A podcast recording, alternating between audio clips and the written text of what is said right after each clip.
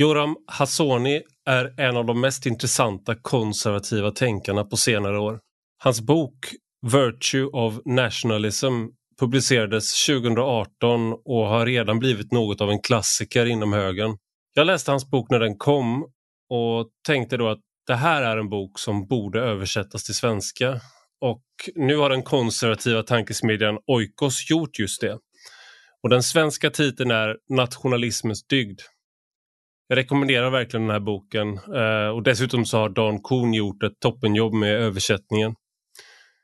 Just nu är Joram Hassoni i Sverige som inbjuden talare på Skoklosterakademin som anordnades av just Oikos i helgen som var.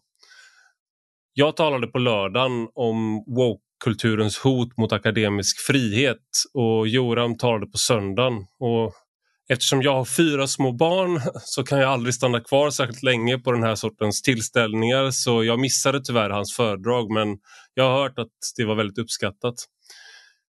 Jag fick dock chansen att spela in en podd med honom. Och vi pratade om varför nationalismen blev så utskälld efter andra världskriget, hur liberalism hänger ihop med imperialism och varför övernationella organisationer inte leder till fred och välstånd, om familjens centrala roll i kulturen och om varför Israel ibland jämförs med nazister. Men nu till dagens gäst. Du lyssnar på Rak Höger med mig, Ivar Arpi.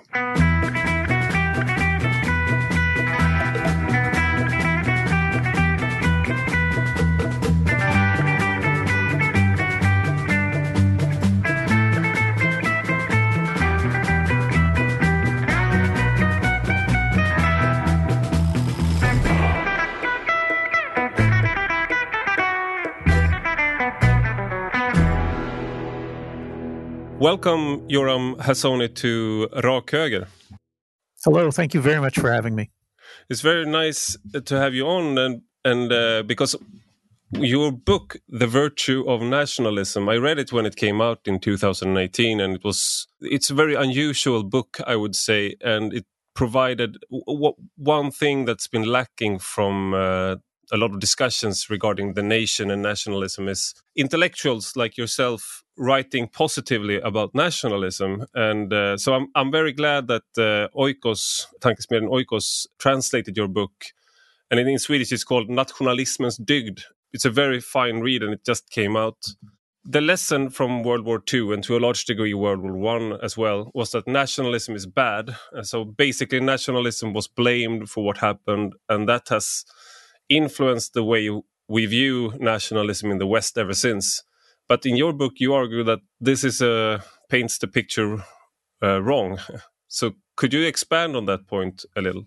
Sure. My book is uh, com combines uh, a little bit of uh, history, uh, looking at the, the, the the history of the idea of the uh, independent nation state or a world of independent nations, uh, and I think that, and, and makes the argument that uh, it's not until, it's really not until the Second World War or, or after World War II uh, that there is a developed in Western countries a consensus that sees uh, the the very idea of nationalism of a world of uh, independent nations, each one uh, with its own traditions, charting its own course. It's after World War II that we see uh, that kind of picture being uh, described as evil, as destructive. And people start to say divisions among nations always lead to warfare. Distinguishing one nation from another creates hatred. As you said, this kind of um, slogan that I think we hear almost everywhere in the West that uh, nationalism created two world wars and the Holocaust. And it, obviously, as soon as you say that kind of thing, the no decent person would would want to be associated with nationalism. That wasn't always the case. You, you know, you, you, if you go back uh, uh, before World War II, and certainly in the 19th century uh, in Europe, many of the you know the, the, the most generous and kind-hearted people, progressives and liberals, uh, considered themselves to be nationalists, and I think most people know this that that uh, uh, that in those days the idea of supporting, let's say, the independence of India uh, or the uh, the independence of uh, of Ireland, or the unification and independence of Italy, or a homeland for the Jews. The, these were considered to be, you know, humane and noble causes that uh, the decent people supported. And, and you know, I think even even today, there's there's a little bit of that left over. You you you often find, uh, I think, come across even, even among liberals and progressives, people who will say that uh, uh, well, the Kurds should have an independent state. Why don't you know, there are 30 million people and they're oppressed. Why shouldn't they have an independent state? So that idea is not completely gone. It's certainly the case that after the Second World War, the uh, many Marxists and liberals, especially intellectuals, uh, went about creating this image of the the world wars as caused by uh, nationalism, and and uh, it's become difficult to to be a nationalist, and in particular, uh, a project like the European Union, uh, which seeks to uh, eliminate the borders among nations and create a kind of a European superstate, uh, is it it it it moves forward to a very large degree on the the, the mythology that uh, nations and nationalism are bad and we need to overcome them. Similarly, the uh, American President George Bush in 2001 declared the New World Order. A New World Order was supposed to be uh, wrapping the entire globe in a single rule of law under a single a single legal system hmm. uh, that was supposed to be governed, you know, uh, by the American Armed Forces mostly, but with European advice, let's say. And uh, and this again is it it moves forward primarily on the the myth that nationalist projects are are bad and cause you know, wars and international projects are good and they eliminate wars and bring peace and prosperity. If you tie into history, like the global empire uh, with uh, cultural help from Europeans, it sounds awfully a lot. Of course, it's anachronistic, but it sounds an awful lot like the Roman Empire with help from the Greek philosophers and uh, and Greek religion. And, and one thing that you uh, describe in in your book is that the the, the connection between those liberal uh, thoughts that are has a very good reputation, so to speak. They are seen as inherently good uh, by many. It's viewed as progress, like these uh, international organizations, transnational organizations, and the supranational uh, organizations like the EU and that's that's progress away from nationalism but as you as you are you say now as well uh, that basically it's a form of uh, imperialism and the history of imperialism you could say that both wo world wars uh, were more about imperial imperialism than about nationalism. Is that a fair fair way to uh, to describe your your thesis about this? Uh, yes well cer cer certainly the I mean, I, I, I grew up, growing up in the United States, uh, we were taught in high school that uh, World War One was caused by, uh, you know, by a, a, Serbian nationalist assassin, and uh, you know that uh, uh, tens of millions of people died and destruction was wreaked on the world because of a, a Serbian nationalist. That picture is quite distorted. I mean, I think I think that if you were to come, if you read about the First World War objectively, then I think the first thing that you notice is that uh, that the First World War is the the the end of a p- period of shocking imperial expansion. That in the pre- in the previous thirty or forty years, the main the main political thing take, taking place around the globe was uh, the, the, the British Empire and the French Empire and the the the Dutch Empire expanding rapidly. I think some, something like twenty five percent of the world's surface was was conquered for U- European emp- empires competing with one another during those 30 years. Hmm. And uh, if if you uh, try to understand uh, uh, the the motivations, the political motivations of uh, uh, of the Germans or the Japanese, either in the First World War or in the Second World War, I think I think the first thing that you need to to notice is the fear uh, uh, uh, among Germans of the uh, of being left out of a, a contest in which it looked like other powers were were taking over the entire world, and and it became uh, very easy for for uh, for, for German statesmen and later for Japanese statesmen to say, uh, if we don't have an empire, if we don't try to seize large parts of the globe, then then we'll be shut out and defeated, and we'll become, and and and these other world empires will will rule us. Uh, I, am not saying it's the only thing that was happening, but I think it is the most obvious uh, uh, question that needs to be asked when you're looking at the causes of the of the First World War, because the the, the conflict between uh, S- Serbia and the Austrian Empire is uh, is is it's not a conflict between two nation states. It it's a conflict between a, a national group and uh, and an empire, uh, which has a, a, a, a, tradition of governing dozens of nations. And I think it's uh, Im- important to ask what what role does imperialism play? And in the in, in, in the book, the argument that I make is that uh, is that uh, the claim that nationalism leads to hatred is uh, certainly to a certain extent true because human beings are you know, human beings are incl- inclined to to hate and fear and to fight with uh, those who are foreign and those who disagree with them. Uh, but the question is, uh, is there actually some kind of globalist or universalist or imperialist alternative which actually does uh, you know, uh, uh, remove the hatred from the human heart? I think the answer is clearly no. Uh, every uh, every empire that we've known uh, in world history uh, has been that, that, has had the theory of expanding without limit and conquering nations without limit has in, in, involved the, the the the stoking of hatred and and, and wars. You know, the the Bible is filled with these these empires, the Babylonian Empire and the Assyrian Empire and uh, the, the Persian Empire. And the Romans later are, are modeled on these, uh, these Middle Eastern empires that sought to take over the world. And it's important to remember that, uh, that our Bible, and I, I think this is important for, for Christians and for Jews, but also people who are you know who don't see themselves as as Christian or Jewish. But it's important to understand that our uh, our civilization in the West is uh, is uh, built on this uh, balance between the the Jewish Bible, the Old Testament, uh, which is strongly anti-imperial and sees uh, these empires as evil, and the prophets set up the idea of an independent kingdom uh, within borders that is not allowed to invade the neighboring countries because the prophets tell them they're not allowed to.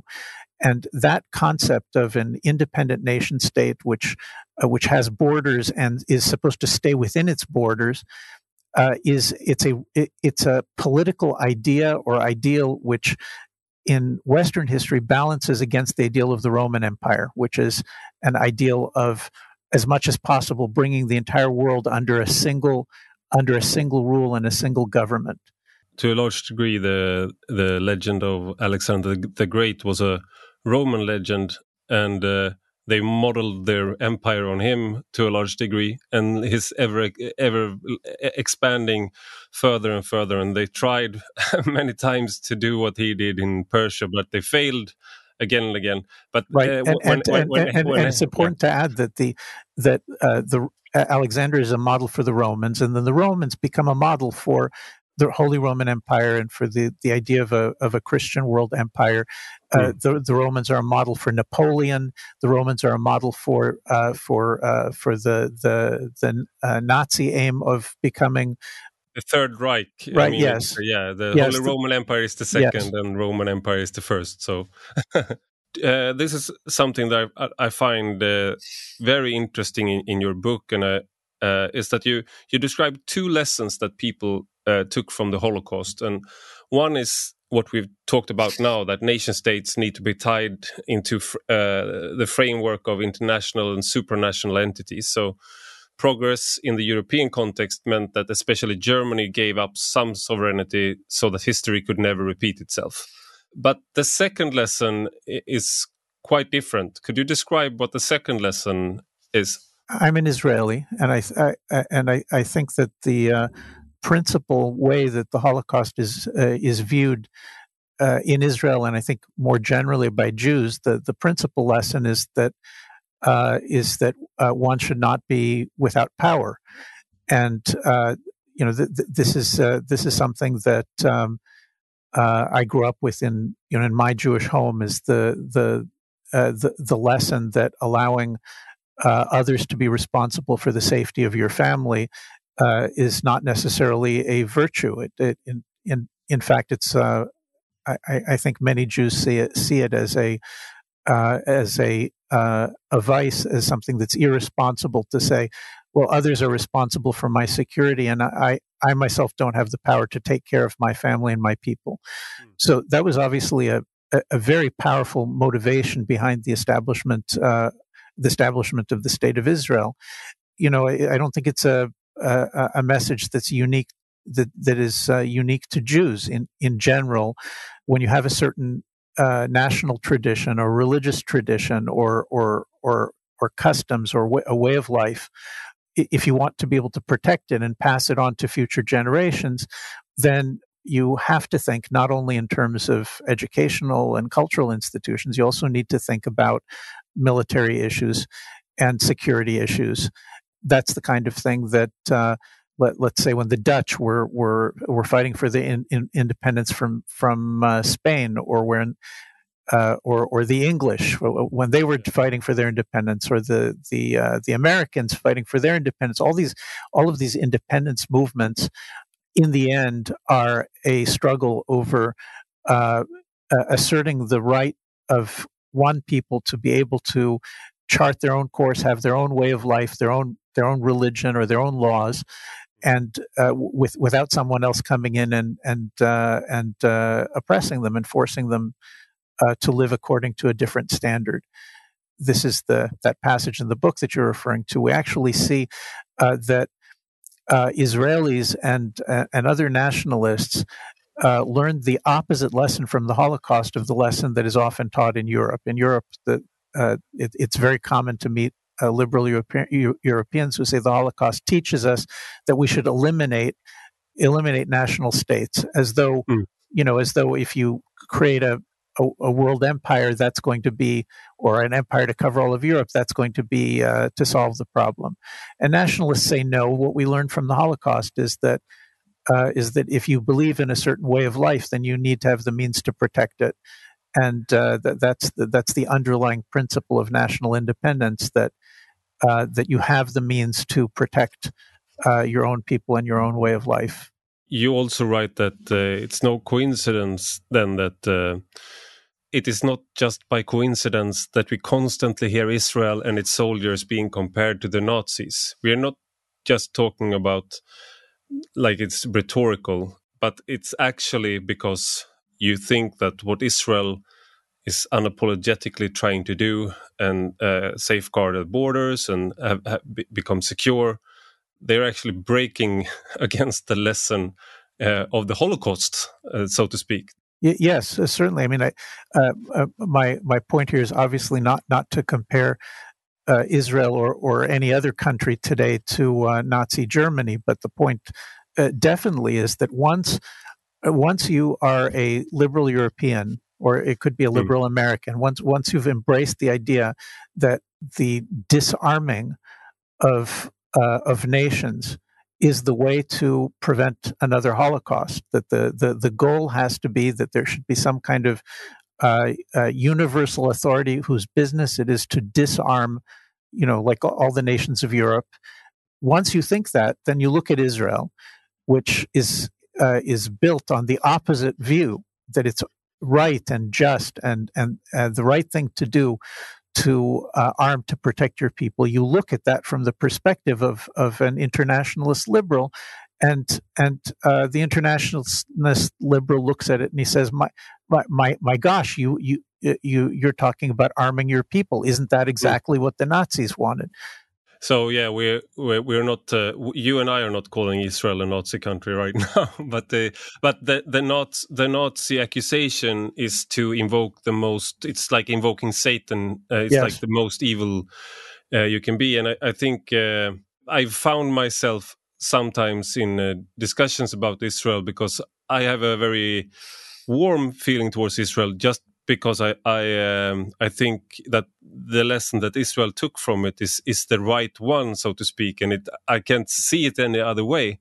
Uh, but then you, you find like even a thing like the Iron Dome, for example, and and effective security measures is those things it's almost like they are provocative in in and of themselves that israel is able to defend itself so it would be better it, it, it, it's not like explicit like this but it would be better if israel was the victim to a larger degree because then we could like find that that that's the picture we we want that that's the only way we can sympathize with people if they are uh, the victims. Yes. So uh, so we have like a victim cult, and then nowadays Israelis don't fit that model anymore, not in in, in to that degree at least. Right.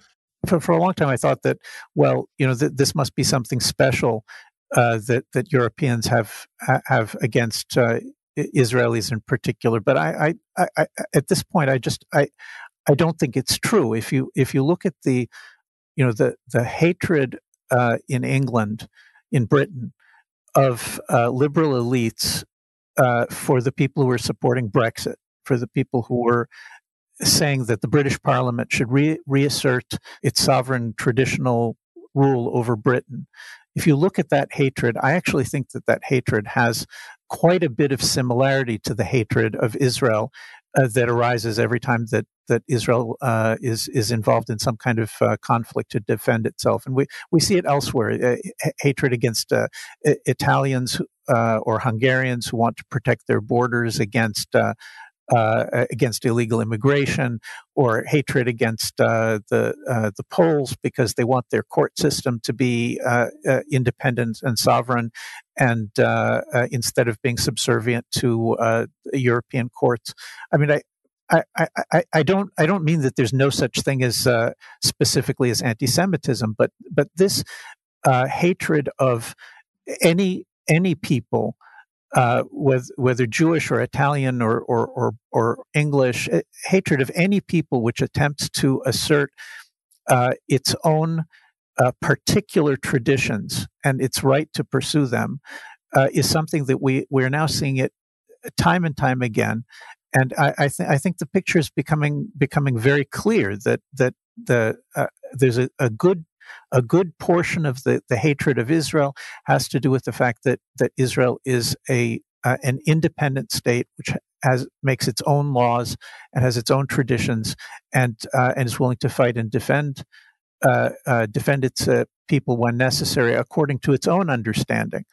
Uh, that's what we used to call national independence, and national independence is today something that is is reviled and and hated by uh, internationalist elites. It, it, takes time to get used to this, but I think it I think it just is true. I mean, just to further expand your your comparison, there uh, is a right now we have a migrant crisis, albeit not not that big yet, between the border of uh, Poland and Belarus.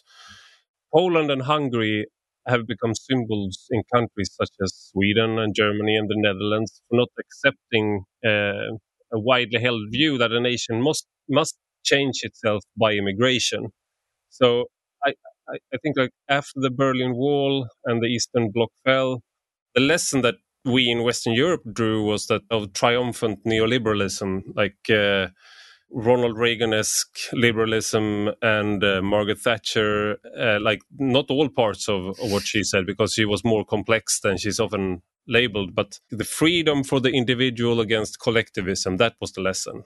Uh, but I, I, think you said somewhere that Eastern Europe drew another lesson and that their nations, like they just gained their freedom and independence after decades long occupation. So, do you think that this could explain the differing views uh, on the role of the nation, sovereignty, and migration between many of the Eastern European countries and many of the Western European countries? today? Well, it, look, it, it, it is certainly the case that uh, that uh, the Eastern Europeans are uh, they have a, a, a clearer and more instinctive feeling for uh, what it's like to live in a you know, in a supposed leftist utopia. And there's clearly in in in Poland and Hungary and and uh, Czechia a willingness to consider traditionalist conservative ideas like uh, like the national the independent national state or uh, the role of uh, uh, religion in public life the uh, possibility of a, a government pers- pursuing policies that are supportive of the traditional family. All of these things seem at the moment to be more possible in Eastern Europe than than uh, in other places because uh, because of the the recent record of oppression under the communists and you know the the, the communists were uh, explicitly uh, anti-nationalist, uh, anti-religion, anti. Uh, the, they opposed the traditional family, and and and and so you're definitely right that there's something that makes it easier for those countries to uh, to respond to the left. Uh, but having said that, the way we look at Reagan and Thatcher today is something of a, a caricature, and it's also been filtered through a liberal lens. When I spe- say liberalism, I mean a, a, a point of view that uh, that emphasizes the the freedom and the rights of the individual uh, and, and the equality of the individual as being almost the only thing that you need to know about politics. It's you know the, if you if if your purpose is to secure individual liberty and equality, then a, a liberal is someone who will say, well, you know that that's that's what we need. We don't really need much more than that. Everything else is up to the individual.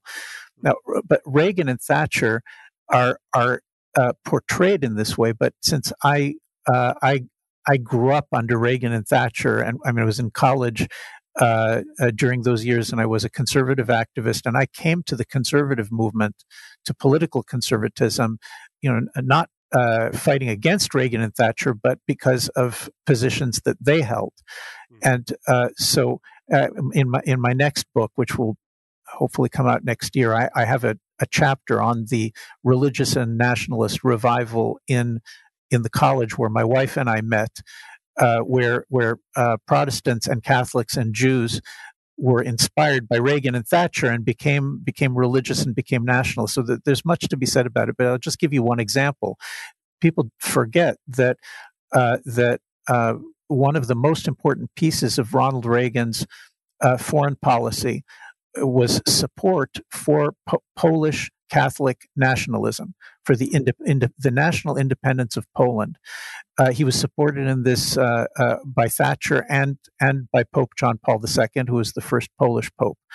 And if you you know people uh, look back at that period and they say, oh, well, you know, they were fighting for individual liberty. But I think that when you actually live through it, as as I did, that's not what it looked like. Uh, Reagan was called a nationalist uh, often in in the American media. He was he was considered to be a nationalist. Uh, Thatcher, I I think people uh, remember her Bruges speech and her. Uh, she I mean she was deposed in 1990 because of the fact that that that she she ended up opposing Britain continuing to enter into the European Union. So the, the, they were both nationalists, and you know it's certainly true that that uh, liberal, uh, neoliberal, uh, freeing the economy from from socialism was obviously an important part of their agenda. But you can't understand Reagan if you don't understand that when he looked at foreign policy, he was emotionally moved and in practice insisted on being briefed on a daily basis on what what America and other countries could do to help the Polish nationalists who were seeking independence that's simply the cornerstone of uh, of Reagan foreign policy. Reagan Reagan never uh, advocated a new world order where uh, you know a, a, single law would be imposed by force on the world. Reagan did not invade you know Iraq and Afghanistan and and and and wage war in Libya and Syria and and and Bosnia and Serbia. I mean, yeah. Reagan and Thatcher were not what you know what today people call neoconservatives. They were something else. And if we want to understand conservatism, we have to understand what you know what it was that they actually believed. What you bring up here is also uh, the religious roots in, in uh, and, and, your book is to a large part. We haven't gone into that, but you you begin with the Bible and you begin with uh, the the Jewish experience in the Bible of uh, uh, being squeezed between empires, and you you you mentioned that earlier, uh, but also that we in the West have given too much credit, perhaps, to rationalist philosophers such as John Locke, Thomas Hobbes, uh, uh, Immanuel Kant, and we and the Enlightenment, and that those roots to our democracy, and uh, we have given too little uh, credit to the religious roots, the Judeo-Christian roots, uh, which which fits very well in a secular secularized uh, country such as Sweden, for example, where religio religiosity is uh, sometimes seen seen as something backwards. So it, it's very good that you can if you can find those roots in uh, rationalist uh, philosophy, but you don't think that is a correct view of it if I understand you correctly. No, I I, I think uh, I, think if we look, let, let, let's let's talk for a moment about uh, what we've uh, uh the the cultural revolution that has been taking place uh, in the United States and in Britain and in other countries. Just just in the last, you know, just in 20, 2020, we got to see a a, a, a cultural upheaval um, of a kind that you know. So, uh, there some conservatives have been warning about this kind of thing for a long time, but most most people have been very happy uh, to say, uh, "I'm an Enlightenment liberal. I, you know, I, I, I, I don't, I don't need religion, and I, I, I don't need nationalism. I don't need traditions from the past. Uh, what all I need is uh, John Locke or Immanuel Kant or Spinoza, or the, the, these kind of uh, Enlightenment rational, rationalists, and they taught us that all we need to do is to uh, to ignore the past, to uh, ignore the teachings of the past, and to use our heads to to reason, as uh, as they say, to to to uh, uh, to think carefully about things. And the claim was that if human beings simply think carefully and clearly about things, uh, you know, like Descartes said, until our ideas are clear and distinct, uh, until we we we reach universal truths that are, are, obvious to everybody. If we do that, we'll be able to uh, to make the world a kinder and more peaceful and more prosperous and knowledgeable place. That's that's the Enlightenment theory. Yeah. And uh, after World War II, I would say that both in America and in Europe, uh, that that theory, I think it's fair to say that that, that theory became the dominant political theory. It was adopted by you know by the right and by the left you know by by, by in in most countries it became dominant in uh, across most political parties and uh, and maybe you it's even appropriate to say that it became a kind of a new religion mm. and people believed that this was true that uh, that uh, that the end of history was coming that we had uh, figured out the answer to to to how to uh, how to lead a good life and and and uh, and and have a good world in in the writings of these Enlightenment philosophers. And I I, I think at this point, it, if your eyes are open and uh, you look at the way within the course of uh, one year, uh, the most powerful liberal democracy in the world, the United States. Um, its uh, it, its leading liberal institutions over the course of one year were uh, taken over by a version of neo-Marxism, which with with extremely strange and radical and new ideas about uh, race and and and gender and and uh, family life. Look, it, it, it, in one year, the entire liberal house of cards collapsed in hmm. the in the strongest liberal democracy in the world. And today, the New York Times has, which was the, the greatest liberal newspaper in the world, is is today uh, uh, toeing the line for neo-Marxism. And uh, universities like like Princeton, where I studied, that were great liberal universities, and mm. and now they are deconstructing themselves and rebuilding themselves in in light of this neo-Marxist ideology. And yeah. I, I think I think everyone needs to ask themselves if there was no need for tradition and uh, Enlightenment liberalism had the answers, then how can it be that uh, that uh, after being victorious uh, against Nazism and against uh, communism, that liberal democracy was not able to maintain itself for even two generations before it collapsed mm. in the face of this new the, the, the, the, this new neo-Marxist threat. How can that be? And I, I, I mean, I, you know, everybody can come up with their own answers, but I, I, I, I I'll, I'll repeat something that many conservatives have been saying for, uh, you know, s- since after World War II, which, which is that uh, liberalism, the idea that all we need really is freedom and to leave each other alone, is not sustainable. It's not sustainable for a very simple reason. If you give, if you teach children from a very young age that all they need to do is think, they don't they don't they don't need to worry they need to think for themselves they don't need to worry about you know the inheritance of the bible and the christian past and the jewish past and and and mm. and uh, uh, and political traditions they they don't need that all they need to do is think for themselves and if you teach them that and they start to think for themselves. And what they come to is uh, is uh, uh, either neo-Marxist cultural revolution or uh, what we see on the far right in America, this kind of uh, white white racist movement. It's still very small, but but it is growing, which mm. is a, a, a, movement that uh, you know those those people are reasoning. They're they're exercising their own thinking, and what they're thinking, uh, uh, they're coming. The thoughts that they're thinking are uh, through reason are are very similar to uh, to uh, fascist ideologies of the 1930s. Mm. And I, I, I think this is the question that faces us: is you, evacuated, you eliminated public Christianity and the Bible and God from the public space. You eliminated all of these traditional ideas. And within two generations, you have uh, powerful uh, revival of, of uh, overwhelming, uh, uh, overwhelmingly successful Marxist ideas on the left and the beginning of, of a return to racial, racial fascism on the far right. So what conclusion do you draw from this? I mean, I I I, I think that that that what was holding these uh, these modern uh, uh, rationalist movements, what was holding them uh, away, what was keeping them at bay, was uh, was the public Christianity and the the biblical traditions uh, of Western countries. Hmm. And you know, liberals thought that that was terrible to have public Christianity, but we remove public Christianity and we get something that's far, far worse. I think this is what Nietzsche.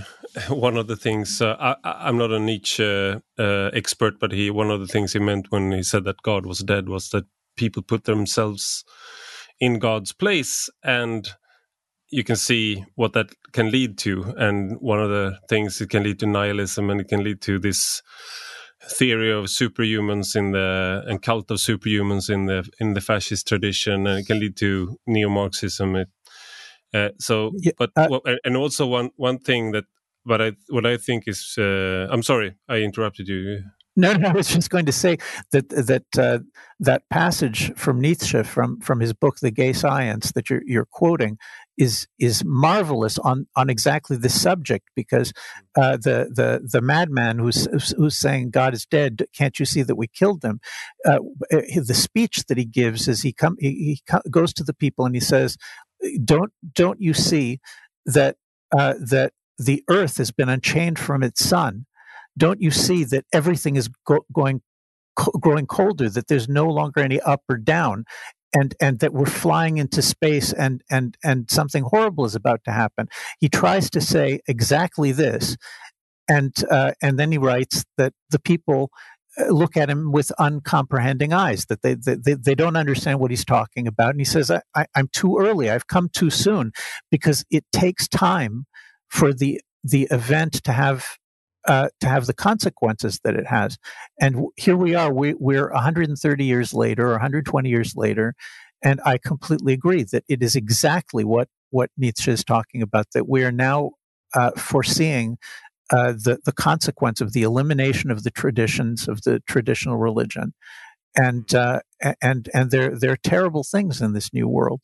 In many of us who are right wing conservative, we still support. I mean, I support many of the what's called the liberal rights, the classical liberal, liberal individual freedoms and rights. I, I think uh, freedom of speech is uh, is I mean, one of the foundations of democracy, a, a, lot of those things. And then one of the arguments against nationalism against conservatism is that uh, if you have too strong a bond between people in a nation that's suffocating and if you if it's not by choice that you are, have entered into the nation or a family and uh, then it's not valid uh, and and so you need to free the individual. Uh, if you're on uh, on the right, more on the right, you free him by markets. If you're more on the left, you free him with the state. This is what you've been allude, alluding to in the in this conversation, also that the liberty uh, is only able to flourish the uh, individual liberty in a context of uh, where tradition is still is still uh, alive. so I mean, freedom, the freedoms that the liberals uh, like, and uh, some of them at least, can they survive in the wild, so to speak?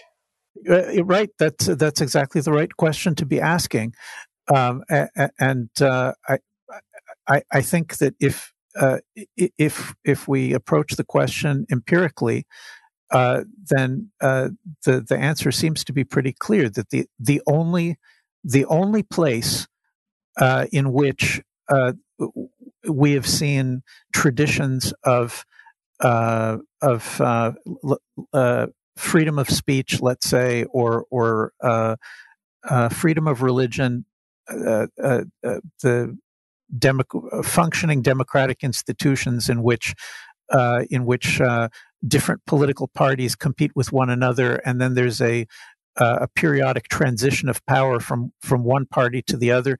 The only place that we've ever seen this function in all of human history uh, is in independent national states. That is uh, to say that we know of no imperial structure, nothing that looks like uh, you know the, what the European Union U- Union is attempting to create. We know of no imperial structure anywhere in history uh, that has been uh, governed in such a way as to uh, to maintain these kinds of tr- traditional individual liberties, and we know, know, of no such empire that's ever been governed uh, in a democratic fashion. And uh, you know, it, I, I, it's you know, it's possible in theory that something's going to happen that we haven't seen yet in history, but I doubt it. And I, I think we can understand why that is because the uh, uh, democracy uh, depends on uh, on a certain minimum of loyalty among the competing parties. Right, meaning that you you have to be loyal, even if you don't like someone, and you think that you know that that he's going to take make a terrible mistake if he's the prime minister, and he'll do you know it'll be a disaster for us. Still, in order to um, to uh, say uh, our in our in our country, in our nation, we take turns, we take votes, and and if he wins, then I'll support his right to govern. And in exchange, if I win the next time, then he'll support my right to govern. He'll support. He'll allow me to govern. He won't, you know, uh, create a resistance and try to prevent me from from governing. That's not natural for human beings. That system. That system is only possible where there's a great deal of mutual loyalty between those competing parties. So, in, in other words, if I'm sufficiently loyal to my people, to my nation, then for the sake of my nation, then I may allow somebody else to rule uh, until the, the next election. But if I don't have that kind of loyalty uh, to to the different tribes or the different parties in my nation, because they're my people, if I don't have that kind of loyalty, then the moment that somebody else is elected, then I, I, I say, he's going to persecute me. He's going to uh, engage in violence against me, and, and, and there are no limits to what I'll do to try to get rid of him. So, uh, and that, in fact, that is, uh, you know, if you uh, read uh, John Stuart Mill on representative government, he makes precisely this argument against empires. He says uh, you take the Austro-Hungarian Empire as an example, and and and there you have uh, 15 or 20 different nationalities. Uh, e- e- each one distrusts the other. Uh, and so there's no possibility of there being any kind of uh, of uh, uh, uh, of, of, actual government by, uh, by, by by democracy because because the the rulers every time that they have problems in, in Italy they bring the Serbs to sla- slaughter the Italians when they have problems in Serbia they bring the, the Italians to slaughter the Serbs and uh, but yeah. but that's the case that that mm. where there's no where there is no loyalty holding holding the people together you you, you can't have democracy you can only have tyranny and uh, it, it's frightening to say this because you know the uh, a country like the United States has uh, it, it its democracy has clearly been breaking down. You know, at least the last two elections, a large part of the American public has rejected the the, the results of the election. Uh, I'm talking about both sides, both the Democrats uh, and then the Republicans and uh, and, and uh, in England too, the, the three years after Brexit, the, the, the British Parliament basically ceased to function. The democracy in England ceased to function uh, because the, the the hatred among the, the, the rival groups had reached such a point that they wouldn't they wouldn't allow the, the side that wins the vote to to to govern. Um, that's that's what is um, facing all of us uh, in all democratic countries if we uh, don't make a sharp correction and return to a context in which we say individual liberty is not enough. It may be precious, but it's not enough. It can only exist uh, where there are strong national and religious traditions which hold the people together and uh, and allow the d- democracy enough space so that it can work if you if the people isn't being held together, there's not going to be any democracy. You'll have just warring tribes, and everything will collapse into uh, uh, in, in, in, into into the kind of intergroup uh, violence, which uh, you know that that's sort of the the natural condition that human beings have lived in for most most times in history. I just want to um, end a little bit because I know that you have a, a tight schedule, so I'll I'll uh, I'll let you go soon. But I just wanted to ask you also that, and I read the, a book about this by Ross Douthat. I'm not sure how to pronounce his name about uh, the decadence of, of of of west of the Western world, and one of the things he's writing a lot about is the, the, the falling fertility rates. Uh, and in United States used to be an exception to this, uh, maybe it was because of uh, m- more people were uh, um, believing Christians and practicing Christians than in in the in Western Europe. But now the fertility rate is dropping there as well, and the most uh, basically all of the OECD countries are below replacement level, uh, which is 2.1 uh, children per woman. Uh, but there is an exception to this, and that's Israel, and uh, where the fertility rate has been dropping in all countries uh, in OECD and in the EU and North America and South America. The last 40 years, or if it's the 30 years, actually the fertility rate has been rising in Israel, even in secular groups, of course, among the ultra orthodox uh, but but also among secular uh, Jews. So I just wanted to now that I have an actual Israeli, an actual, uh, actual Orthodox Jew. Yes, yes. Uh, I wanted to ask you what's your um, what's your take on on this, and why is what's happening uh, with the fertility rate in the West, and why is Israel an exception? Okay, a great question. It's not it's not a simple question, but uh, but I, will try to make it. I'll try to make it as simple as I can. Uh, the you have to have a good reason to want to get married young, stay married, have children, have you know a big family, ra- continue to raise them to adulthood, and then to continue raising them uh, for the rest of your life. Right? That that's a very big commitment. It's a very big project. Uh, but before, you know, before everybody got, you know, kind kind of uh, drunk on Enlightenment rationalism, we had strong, as as you suggest, we had strong religious traditions, which uh, guided us towards those assumptions.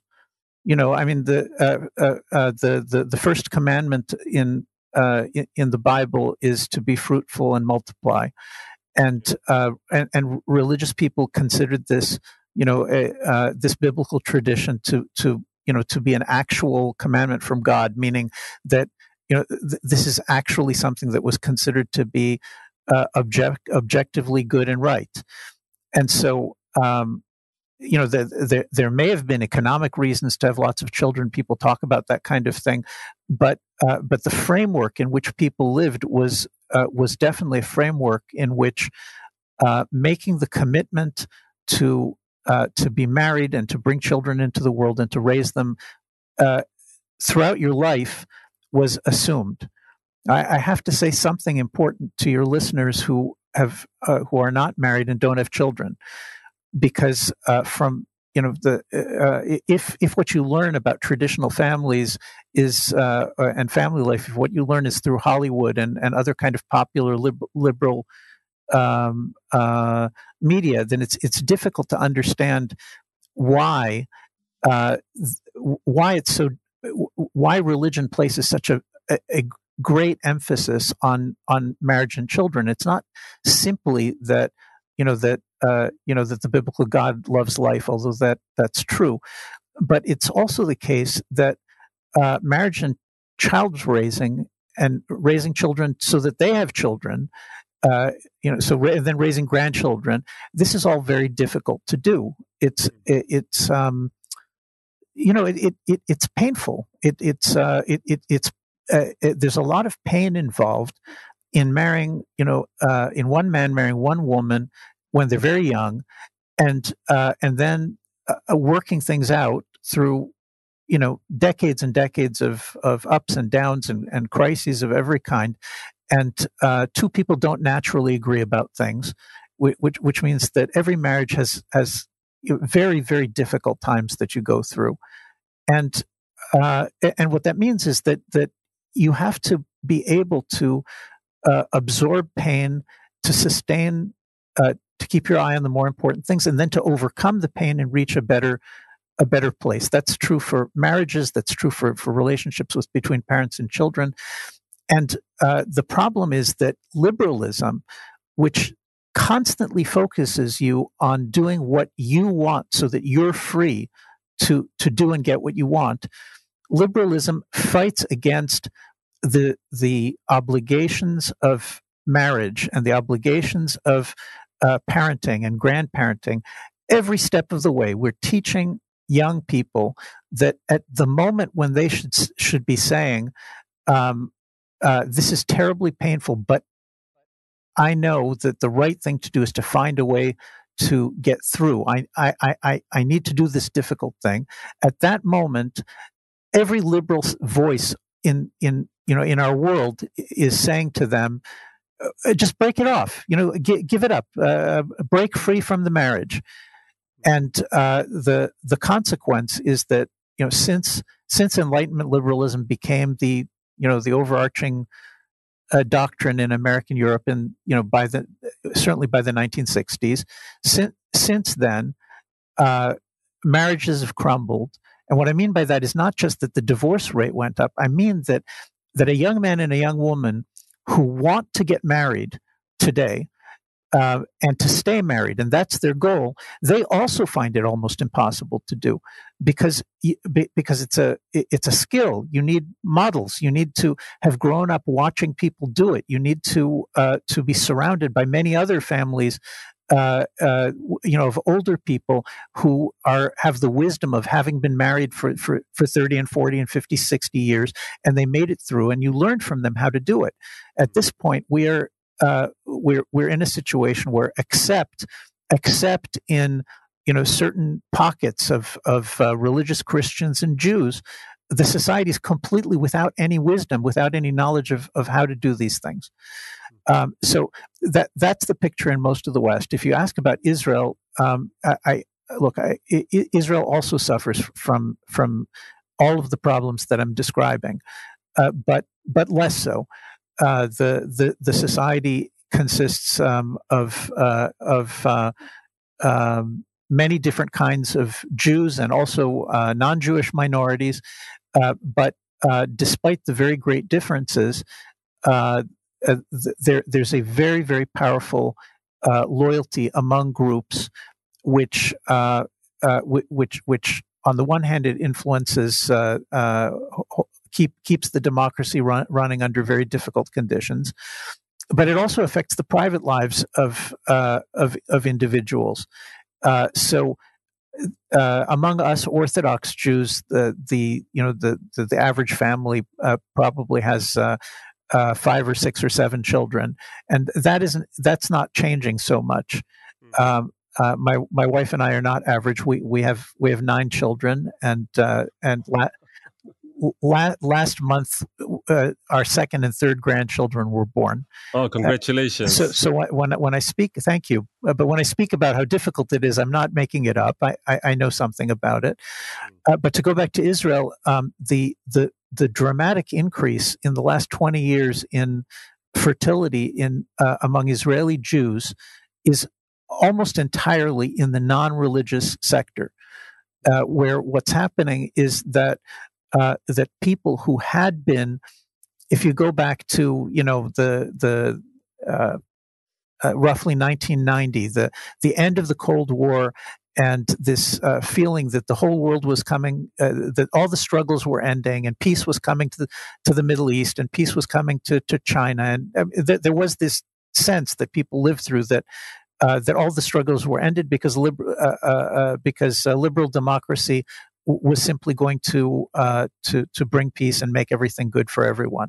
Mm. And if you if you look at what happened since then, the the the Jewish birth rate in Israel had been dropping, uh, continued to drop as it as it was doing in in all other Western countries. It continued to drop up until the time when uh, the the uh, the Oslo agreements broke down, and uh, and daily bombings began in the cafes and on the buses of uh, in in in every city in Israel. And when I say daily, I mean literally daily. That yeah. that, that we, we, we had a period of several years uh, where you know if your children got on the bus, then you didn't know if they if if they'd come come home again in the evening, and if you went out to a cafe, you didn't know if if if you'd be at work again the next morning, and um, that really terrible p- period um, is the period that coincided with the reversal of the trend uh, uh, in Jewish birth rates, and I think it's 21 years now straight that the Jewish birth rate has been going up. And uh, my my understanding is that uh, that you know although Israel Israelis are in many ways you know a a, uh, a liberal and Western people, but in in some ways uh, we simply are not. And the uh, the the experience of recognizing that the liberal fantasy was not going to deliver the world.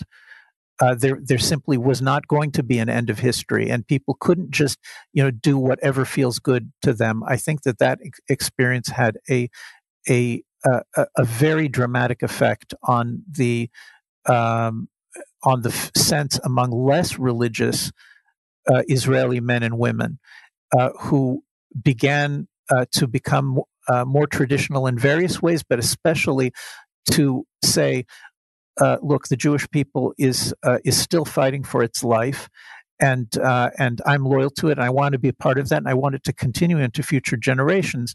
And the most obvious way that someone can contribute to that is is is by contributing children. So uh, there there is a, uh, uh, a a national and religious uh, and and and spiritual element to this um, turn to having more children, which affects you know even people who uh, say that they don't believe in God and and uh, and they're they're politically liberal, but underneath all of that, um, they they they they they they want there to be a future for their people, and and they they do it by by having children.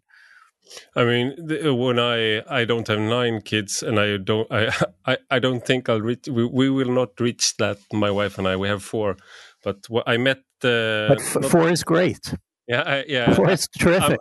I'm, I, am very thankful, and for every child that's born, uh, I'm very thankful and, and and happy. It's like I became sort of religious when my first child came, and we we just regret that we began late but one of the, when I met the Israeli ambassador, not the latest one, uh, but Isaac Bachman, uh, and I said I have two kids. He said, "Oh no, no, no, no! You you can't have two kids. You must have at least three. What right. if something happens to one of them?" Right. And I was like, "This is, I think, uh, Mr. Bachman, that this is one of the most un-Swedish things I've ever heard, uh, because." Uh, when I when when one one of my closest friends when his sister heard that we were having a fourth child, she got angry, and she said, uh, "Why is he doing? Why are they doing this to the climate?" right. so that that's one of the things, and and and also one of the and also what I hear sometimes is that uh, things are uh, not great in Sweden right now. So how can you bring more kids into this country? Uh, and I think uh, I, I, have a lot of thoughts about that, but it, that's the opposite conclusion from what the the, the Israeli people uh, uh, drew from the the threat to Israel during the bombings and during the Intifada. Yes. So you could have imagined a situation where people just threw up their hands and like, oh, what the hell? This is going awfully. Uh, let's just stop this and not yes. have kids anymore. Right. Well, you know, l- l- let me uh, finish that this that this subject by saying something about love, because uh, you know everybody wants love, and uh, and and and and very often we you know we get lectures about uh, uh, how we should uh, how we should love everybody equally and fill the world with love. Uh, that's that has a, a large tradition in Western thought, and I, I, I don't mean to demean it, but uh, but in in the the Jewish tradition, um, uh, you don't you don't love everybody. Uh, you can give charity to everybody. You can be uh, gracious to everybody, but uh, but the word love is uh, uh, in in in its Old Testament use. The word love is something that is uh, reserved for people who are special to you, your your own family or your own tribe, or, or or your own nation. we also have in in the Bible, God loves the righteous. But that's not the same as loving everyone. It's loving, you know, the good, the people who do good things, mm. and um, and the the the uh, I, I, think it actually is important to to distinguish between you know the minimal decency that you owe everyone you know that you should you should you should you know you should do charity and kindness you know in in in a general way to people who need it but love is an is a is an extremely powerful bond. It's it's the it's built on the loyalty of of two people or it's built on the loyalty of a group of people to one another. And um, what what uh, the the the fundamental element in nationalism is uh, the love of uh, of you know like a like a tribe like a big family the love of a, that that members of a nation experience towards one another especially in times of difficulty hmm. and this is the kind of this, this is the kind of love also that holds a marriage together is that when when when when, diffi- when, when times get difficult, it's the, the the unique experiences that you had with this special one person. You're not with everybody. You don't love all women. You love your wife especially, and uh, that specialized kind of love, which is aims at at at a particular uh, uh, individual or particular group of people and uh, and is uh, uh, is much more powerful than than your relationship with others. That's that is the basis for for very strong actions. And I you know I agree that they. They, they can they can also be bad actions they can be evil but any really good action that we take in politics like uh, bringing many new children into the world and raising them and and and and uh, preparing the way for future generations, or uh, or uh, the the kinds of bonds that hold a democracy together that allow me to to recognize the right of others to speak freely. All of those things are based on uh, on loyalty, on a mutual loyalty, which is a kind of love. And um, I I think that uh, I'm hoping and I believe that that we've seen where the world goes when you remove the biblical basis where you remove these kinds of bonds of mutual loyalty which allow us to do great things and instead you create a society in which everyone's always thinking you know but is this good for me today? And they're not willing to sacrifice and they're not, not willing to, to to to suffer pain because as soon as you something hurts you you say okay i give up um, I, I i think that those listeners who are um, who who are looking for that kind of uh, love in their lives, um, they should consider that even if you don't know the Bible, eh, or even if you think it, you know, you do know it a little bit, and you you assume that the things that aren't true uh, in the Bible aren't true. Uh, I, I, think still the first step to becoming a conservative person, a traditional person, which is a, a healthy person, who's part of a healthy society, the first step is to find a traditional religious community and to take part in it, to you know, to, to take part in uh, in their Sabbaths and in in in their family life and and learn what it's about because it's a completely different kind of life. And uh, uh, earlier you mentioned that people say, "Oh, it must be oppressive." Well, you know, usually the people who talk to you about how oppressive it is are people who have never lived that way. Usually, meaning they've never even experienced it and so I I, I think um, you know sure uh, if you open the Bible and start reading, you could learn some things. But the really important thing is to find uh, to to uh, take a trip to a uh, to a a functioning traditional religious community that has its traditions intact.